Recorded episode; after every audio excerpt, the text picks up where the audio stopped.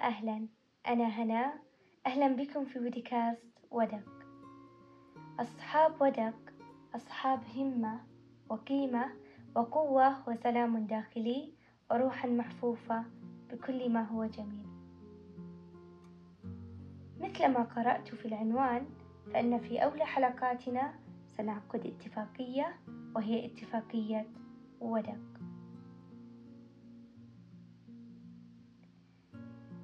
لنعقد اتفاقا مع أنفسنا بأن نجدد صفحاتنا ونقف على شرفة الحياة مستعدين للصمود مهما كلفتنا الحياة.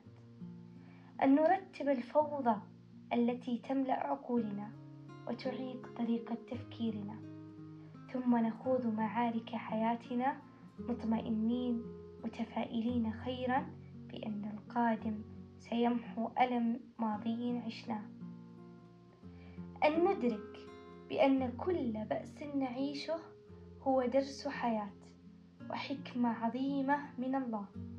أن نكون ممتنين لكل الأحداث التي زارتنا في عامنا السابق حتى لآلامنا ممتنين. لأنها جعلت منك شخصا قويا وأكثر صلابة وصبرا فتجاربك السابقة بأنواعها هبة أنزلها الله لك في حياتك.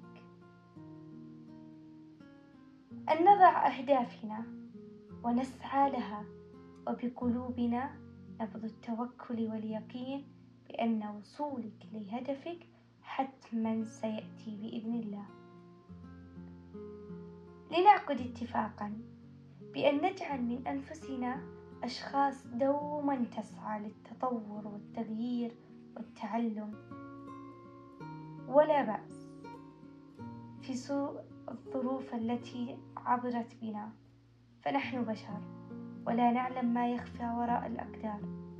أرواحنا تستحق أن لا ترهق بالقلق والخوف والانجراف وراء الأحزان بالذكريات السيئة.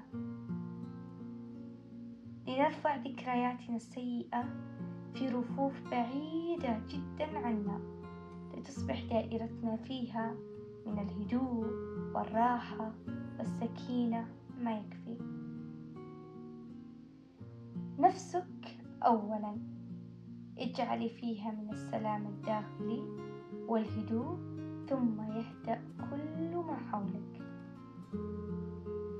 النضيء مجددا.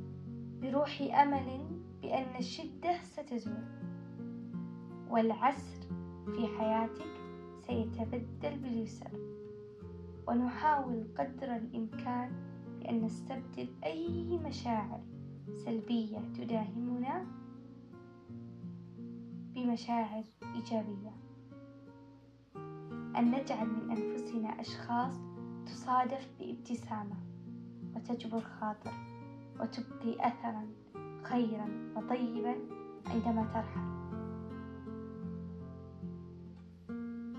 وفي نهاية المطاف تمسكوا في روح الأمل حتى وإن كانت حقيقة الأمر مستحيلة.